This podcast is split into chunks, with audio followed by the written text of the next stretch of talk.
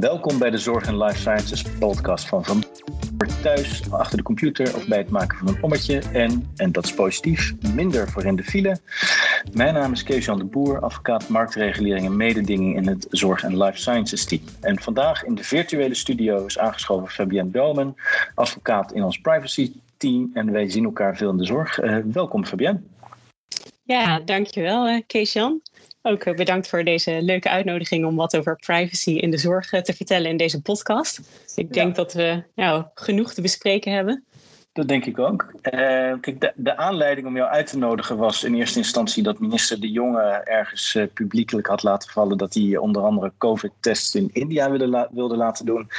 En ik dacht van ja, dan moeten we het even over die Schrem-uitspraak hebben. Maar uh, ik begrijp uit de Kamerbrieven dat minister De Jonge inmiddels ook juridisch advies heeft ingewonnen ehm, en dat plan een beetje heeft laten varen. maar niet, niet onbelangrijk, Fabienne, hoe gaat het met jouw werk in tijden van COVID-19. Is daar in algemene zin is jouw werk veranderd? Um, nou, mijn werk is ja, veranderd natuurlijk in de zin dat we allemaal thuis werken. Maar dat uh, geldt voor een heleboel mensen uiteraard. En qua um, vragen, ja, we zien natuurlijk een toename aan de privacyvragen. Omdat er nou ja, door de, de coronapandemie ook een heleboel vragen aan het licht kwamen over nou, hoe ga je om met uh, gezondheidsgegevens, wat mag je wel en niet delen. Uh, nou ja, er zijn natuurlijk altijd een heleboel recente ontwikkelingen op het gebied van uh, privacy en zorg. er zijn een aantal wetsvoorstellen om elektronische gegevensuitwisseling nou, te vergemakkelijken. Ja, laten we het daar zo nog even over hebben. ja, ja dat, dat kunnen we nog even proberen aan te stippen, inderdaad. En ehm, ja, natuurlijk is ook de Schremse uitspraak geweest. Dat gaat over het uh, doorgeven van persoonsgegevens naar derde landen, dus landen buiten de Europese Unie. Maar ja, dat, dat, heeft wordt ook. Lastiger, uh, door die uitspraak, hè? Dat is een beetje ja, de korte versie. Ja, dat is inderdaad uh, de korte versie. Het, wordt, het is niet onmogelijk, maar je moet er wat meer voor doen als je dit ja, wil doen. En dat je moet het op een goede manier inrichten. En daarvoor moet je wat meer stappen nemen dan nou ja, je misschien voorheen kon doen toen het Privacy Shield er nog wel was. Uh, ja, dus wat dat betreft ja, zien we veel vragen over die onderwerpen. En we hebben natuurlijk, ja, wij staan veel cliënten bij die ook inderdaad gegevens overdragen naar derde landen. Of daar vestigingen hebben. Dus ja, dat zijn onderwerpen die veel voorkomen. De Brexit is natuurlijk ook op privacygebied een interessant onderwerp. Dat want de UK wordt natuurlijk. Uh, precies, de UK wordt natuurlijk na de Brexit ook een derde land. En ook daarvan is dus nog niet helemaal duidelijk uh, nou ja, wat je daar dan precies moet regelen. Of je daar aanvullende maatregelen moet gaan treffen of niet. Of dat er toch in de onderhandelingen nog iets afgesproken kan worden over het onbelemmerd doorgeven van persoonsgegevens. Maar ja, die kansen zijn natuurlijk kleiner nu we de harde deadline van 1 januari beginnen te naderen. Dus uh, ja, het zijn spannende tijden voor privacy. Mooi. Hey, en om de koemer meteen bij de hoorns te vatten, COVID-testing. Ehm, ik heb de afgelopen maanden wat dingen voorbij zien komen over dat of werkgevers bijvoorbeeld hun werknemers niet op de temperatuur mogen opmeten bij binnenkomst. En ik dacht, ja, dan wordt het natuurlijk niet makkelijker op als je probeert en, uh, die verspreiding tegen te gaan. Kun, kan je even wat vertellen over wat daar nou de stand van zaken is? Waarom mag dat niet? Ja, zeker. Nou, um, ja, dat ligt misschien wat genuanceerder. het mag in sommige, ja, uh, in sommige instanties zou het wel kunnen, maar nou ja, er zitten ook wel wat haken en ogen aan uh, op, uh, op privacygebied. En je ziet dat de toezichthouder hier ook mee heeft geworsteld. Hè in eerste instantie eh, heeft de autoriteit persoonsgegevens een aantal jaar visie hier op dit punt eh, bijgesteld. Want wat is daar precies gebeurd? Zijn ze strenger of minder streng geworden? Nou, ze waren heel streng en ze zij hebben het wat genuanceerd. En uh, nou ja, dat is ook wel te verklaren, omdat natuurlijk die coronapandemie ons allemaal uh, overviel.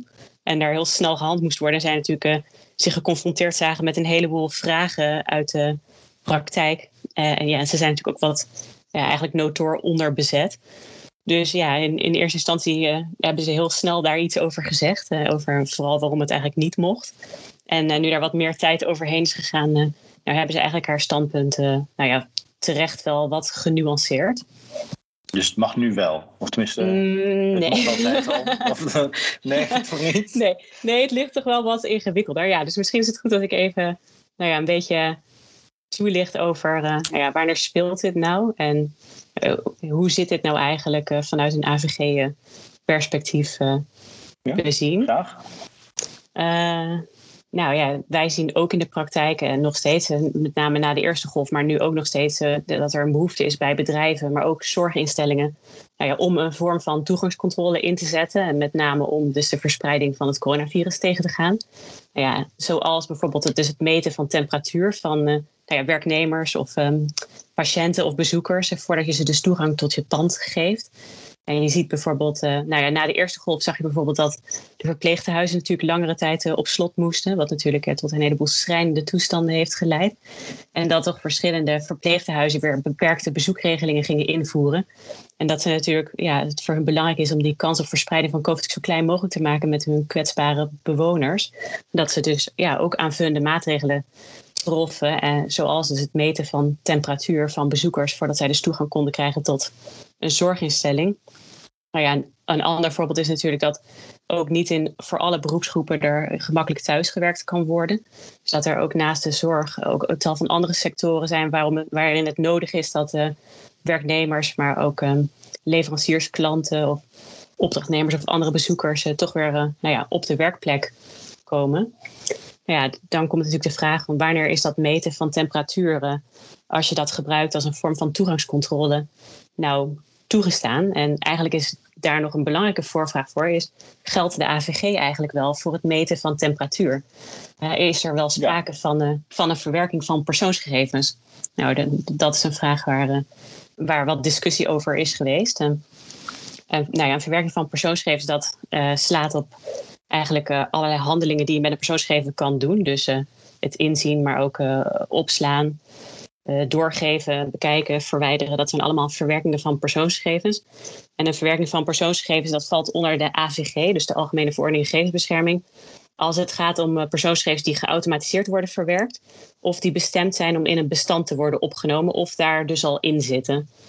Nou, en dan roept die definitie natuurlijk meteen de vraag op: of het aflezen van een temperatuur dan wel een verwerking van een persoonsgegeven is. Hè? En, ja, dus nou, ik, ik stop zo'n temperatuur met zo'n oorthermometer in je oor en ik zie koorts en ik zeg ga maar naar huis.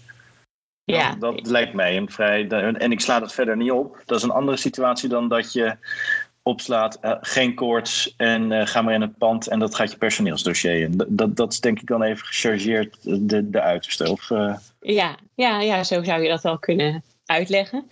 Ja, wat, wat de AP dus daar eigenlijk over gezegd heeft, is dat er, als het dus alleen maar gaat over het aflezen van temperatuur op een thermometer. En uh, zonder dat je die uh, gegevens ergens gaat bewaren, dus in een bestand opslaat, of zonder dat daar een nou ja, automatische verwerking aan te pas komt. Hè, dan moet je dus denken aan of met een warmtecamera dat opnemen, of een automatisch gevolg, doordat er bijvoorbeeld bordjes openen als je een bepaalde temperatuur hebt. Of dat er een groen lichtje verschijnt als je een bepaalde temperatuur meet. Nou, als je dat allemaal niet doet, dus als je SEC alleen maar afleest van die thermometer. Zonder ook dat die gegevens in het apparaat zelf worden opgeslagen. Dat is ook nog een uh, nuancering op dit punt.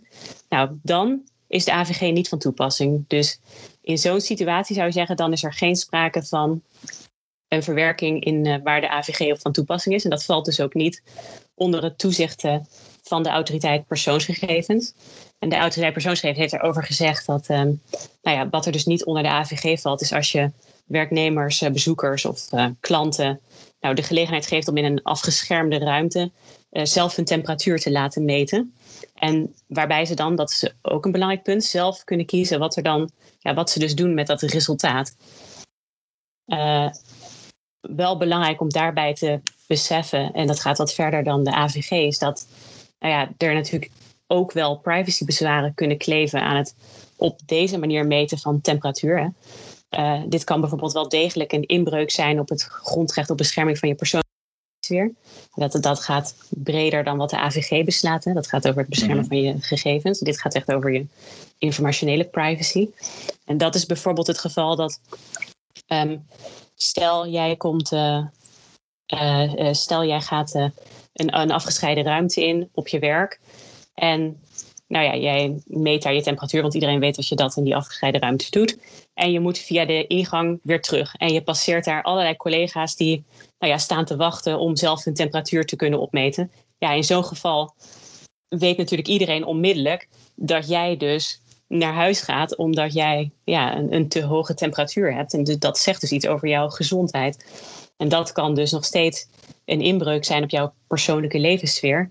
Maar dat is dus niet. Kan de AP daar toezicht op houden? Of nee, alleen nee de AVG? exact.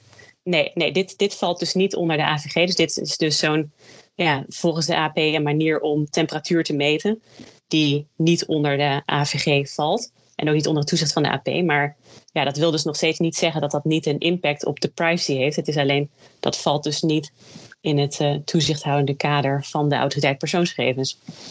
Ja, maar dan zou je dus als, als werknemer zelf je werkgever civiel aansprakelijk moeten stellen voor het feit dat jouw persoonlijke levenssfeer is geschonden. Dat is, dan, dat, is dat dan de enige route die overblijft? Of zijn er andere toezichthouders die hier wat van kunnen vinden? Nee, dat zou de enige route zijn die, die overblijft in een theoretisch geval. Maar, ja, maar, dan, ja. dan, denk ik van nou, dan zijn we er wel redelijk. Hè? Want dan is dit natuurlijk is het wachten op die ene persoon met een goede rechtsbijstandsverzekering die er zin in heeft. Maar voor de rest is denk ik, staat, staat heel Nederland toch achter dit beleid dan? Of ben ik dan. Uh, misschien moet ik het enquêteren hoor. Maar ik denk van, laten we het dan ook niet te ingewikkeld maken als de AVG niet van toepassing is. Nee, nee nou ja, het is, het is wel wat ingewikkelder dan dit, denk ik. Want de AVG is dus alleen niet van toepassing als je het op deze specifieke manier doet zoals ik dat net uh, omschreef.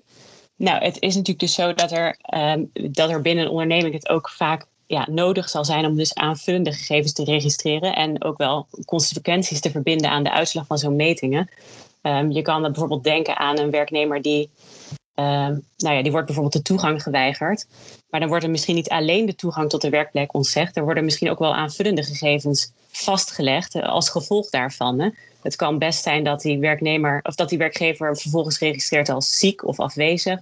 Of dat er een, een bepaalde lijst wordt bijgehouden met nou ja, werknemers die tijdelijk het, het, gebouw bijvoorbeeld niet mogen betreden. Nou ja, in, in die scenario's gaat het dan niet meer uh, om het alleen aflezen van die temperatuur van een nou ja, anoniem persoon. Maar worden er eigenlijk verdere gegevens vastgelegd over een bepaald individu, in dit geval een, een werknemer. Uh, juist omdat zijn temperatuur wordt gemeten door die werkgever. En ook dan verwerk je een bijzonder persoonsgegeven. Dus, en, dus zelfs als je niet vanwege die core, hè, je, je zegt nou je hebt 39 ja. graden, sowieso goed dat je naar kantoor komt dan. uh, stel iemand doet dat en die, die wordt naar huis gestuurd en er wordt vervolgens een ziekmelding geregistreerd in het systeem zonder verdere duiding van waarom dat is, dan valt dat wel onder de AVG. Ja, ja dan zou dat een verwerking van een bijzonder persoonsgegeven kunnen zijn. En nou ja, de, de verwerk, of er dus sprake is van een verwerking van persoonsgegevens, dat wil ik hier eigenlijk mee zeggen. Nee, dat is altijd afhankelijk van de context. En uh, nou ja, zodra er dus iets wordt genoteerd of anderszins geregistreerd uh, dat betrekking heeft op die temperatuur van een persoon, dan is er dus sprake van een verwerking van persoonsgegevens en dan is ook de AVG van toepassing. Dus mm, ja, ik zal later nog wel even iets zeggen over wat uh, de AP.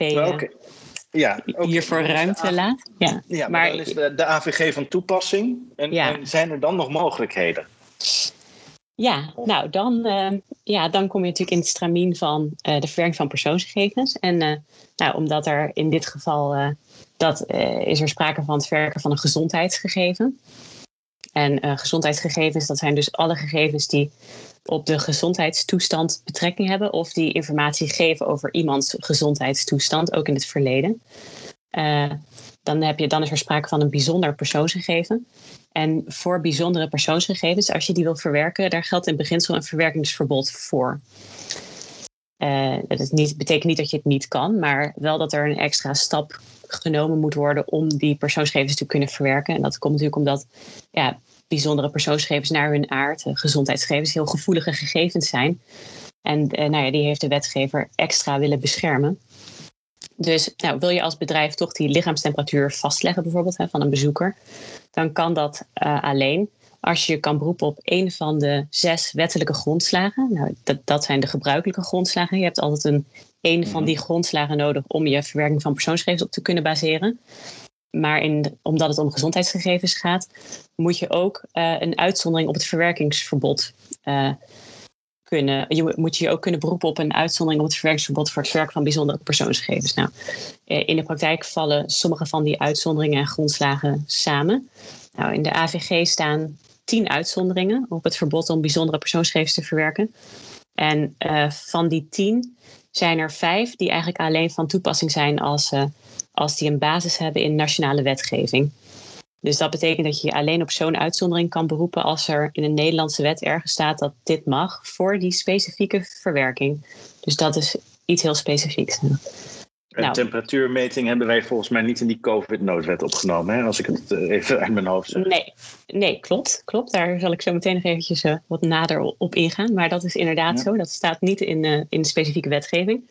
Dus ja, als je kijkt naar het uh, temperaturen van werknemers en bezoekers of patiënten nou ja, als een vorm van toegangscontrole. Dus niet in het kader van de behandeling. Hè, dan, uh, nou, dan moet je dus kijken welke wettelijke uitzondering komt dan in aanmerking. Nou ja, en dat is eigenlijk in beginsel alleen de uitdrukkelijke toestemming van de betrokkenen, dus degene van wie die persoonsgegevens worden verwerkt.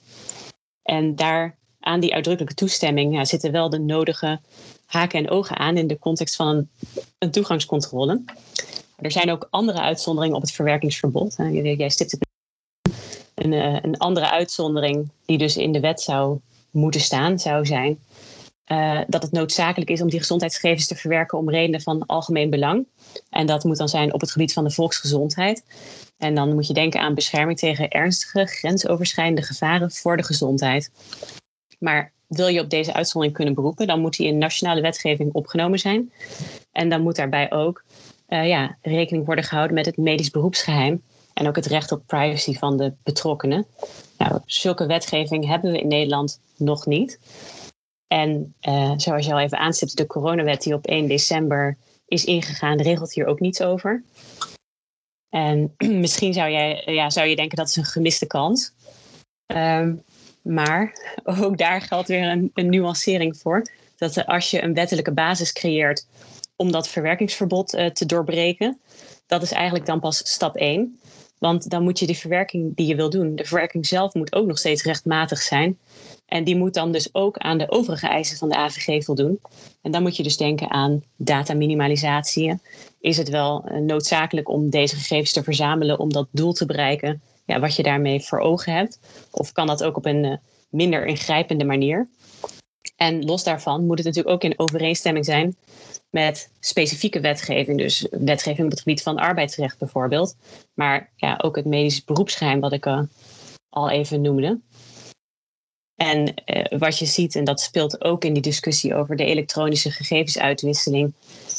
Binnen bijvoorbeeld uh, nou ja, een netwerk, binnen een netwerkzorg, binnen een zorgnetwerk of een ketenzorg, is dat ja, de WGBO, in het beroepsgeheim, zoals vastgelegd in de WGBO, dat kan dus ook uh, aan het delen van gegevens in de weg staan. Ook al maakt de AVG het wel mogelijk. En dat is. Uh... Ja, nu ga je het probleem naar mijn vakgebied. Ja, precies. jij was ik mag niet. Nou, mooi is dat. Dat zal ik onthouden. Nee, dit is, nee, nou, ik denk dat dit wel. Ik, dit is een terecht punt. Ja, nee, maar dit is wel een terecht punt.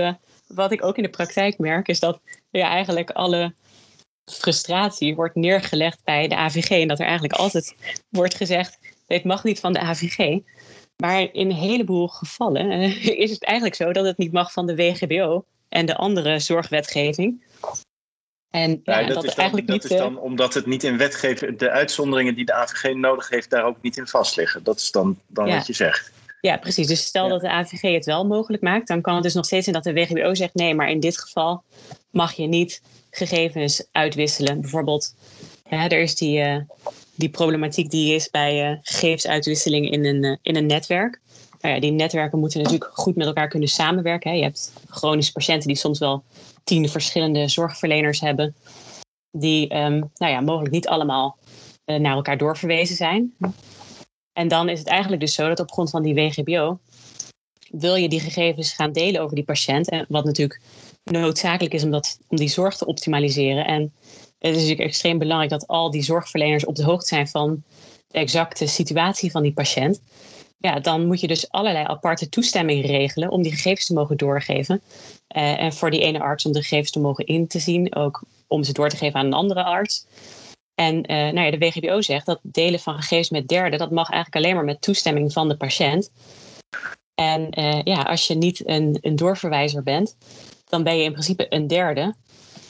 Uh, dus is er altijd die toestemming nodig. En dat is natuurlijk waar nu ook die wetsvoorstellen op zien, om dit ja, te proberen te optimaliseren. Maar ja, dat is een, probleem.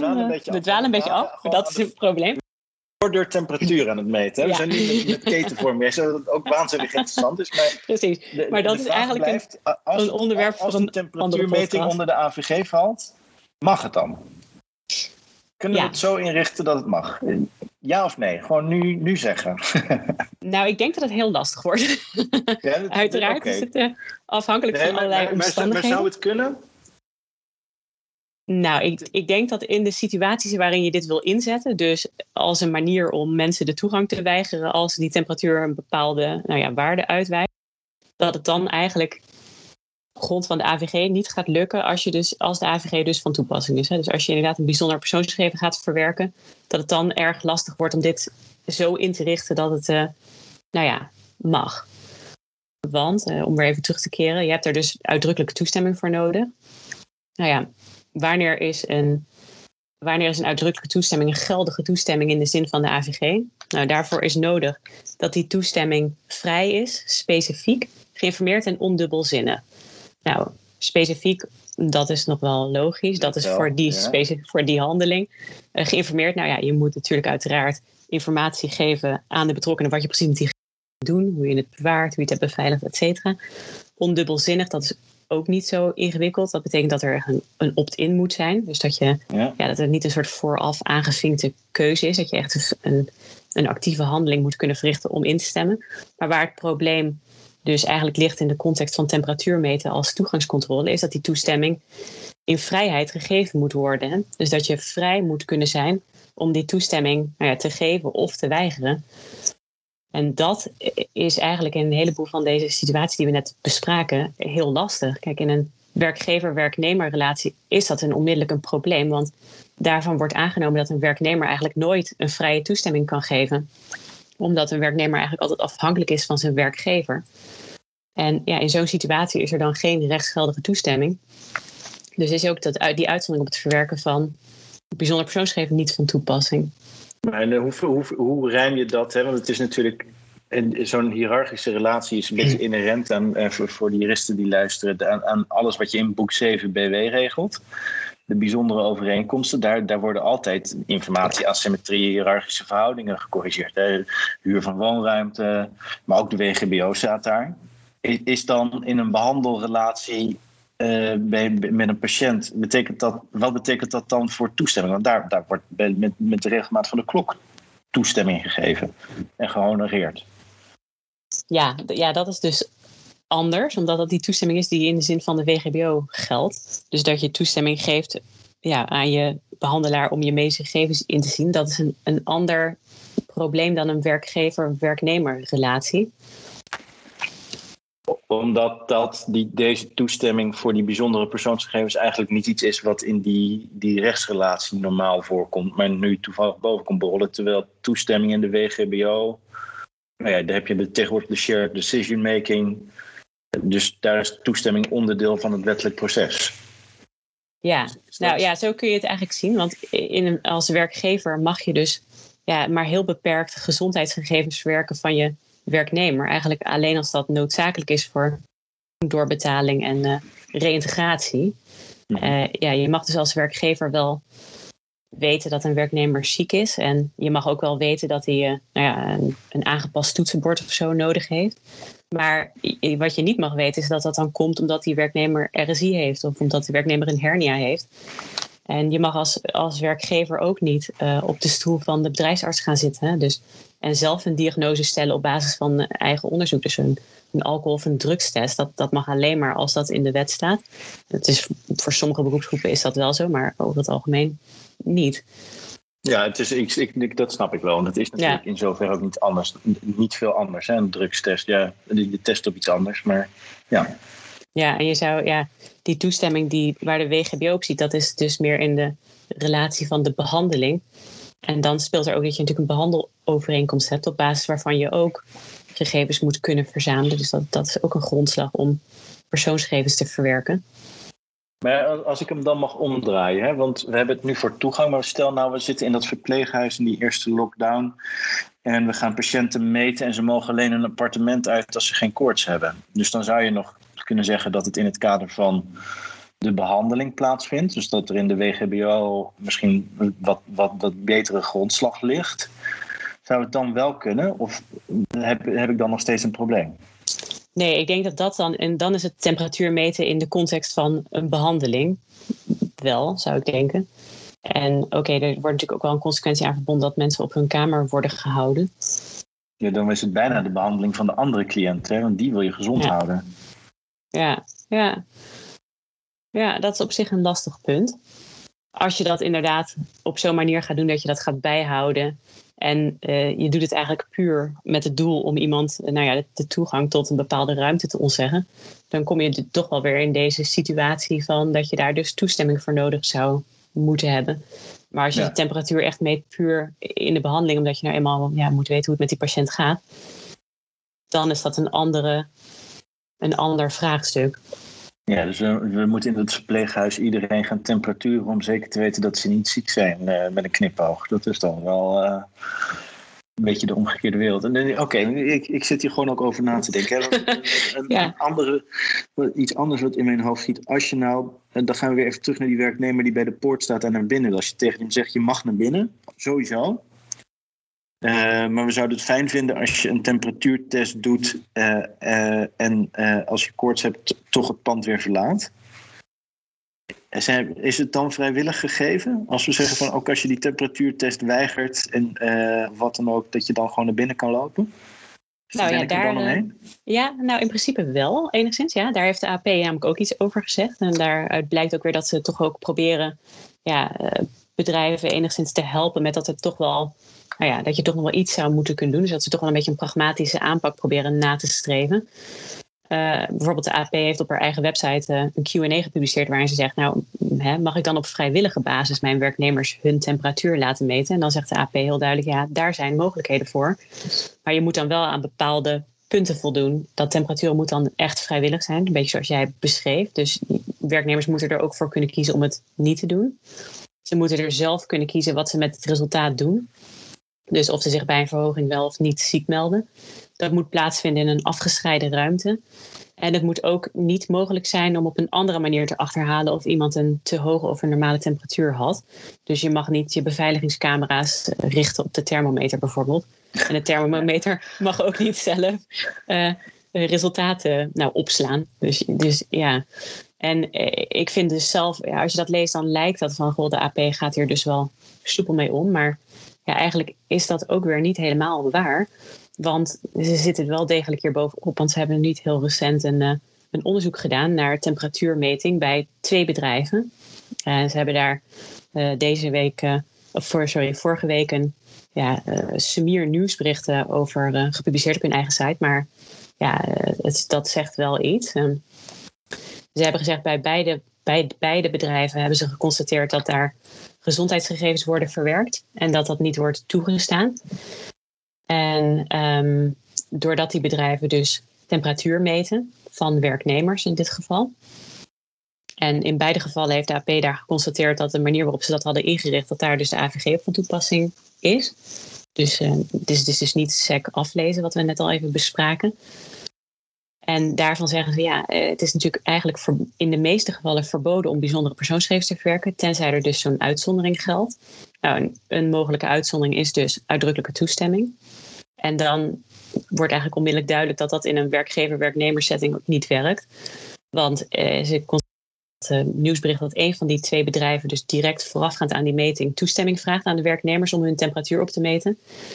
En die toestemming geldt niet, omdat, vindt de AP, en dat is ook de heersende opvatting, dat je in vrijheid die toestemming moet kunnen geven. En dat werknemers zich toch vaak onder druk gezet voelen om die toestemming te geven aan hun werkgever. En dat het weigeren van die toestemming dus ook geen nadelige gevolgen mag hebben. En in, dat was hier ook een probleem, want bij dit bedrijf mochten medewerkers die weigerden niet meer naar binnen. En dan is temperatuurmeting op die manier niet toegestaan, was de opvatting van de AP. En ze sporen dan nou ja, beide organisaties aan om de, zaken te verbeteren. En ze gaan dan over enige tijd controleren of ze dus inderdaad maatregelen hebben genomen om dit aan te passen. Het is dus ook niet zo dat de AP dan onmiddellijk een boete uitdeelt. Dus nee, ze, ze hebben eerst geconstateerd en dan uh, krijg je een kans om het eigenlijk te herstellen. Oké. Ik, ik vind het waanzinnig interessant. Mijn conclusie is dus vooral dat je als je gewoon maar dat je maar beter niks kan registreren en proberen daar langs die kant een oplossing te zoeken dan, dan het wel registreren en ziek melden. Want ik, ik vind het complex worden. Het is ook heel uh, complex. Maar, ja. maar er, er, ik, ik vind het grappig, want voor mij was wel verhelderend die parallel die je trok met de drugstest. Ik, ik zou een drugstest nu van mijn werkgever toch ook uh, invasief vinden. Ik bedoel, ze gaan niks vinden, beloof ik. Maar uh, dat verklaar ik vrijelijk. Ja, maar, er niks nee, over nee, vragen in deze podcast.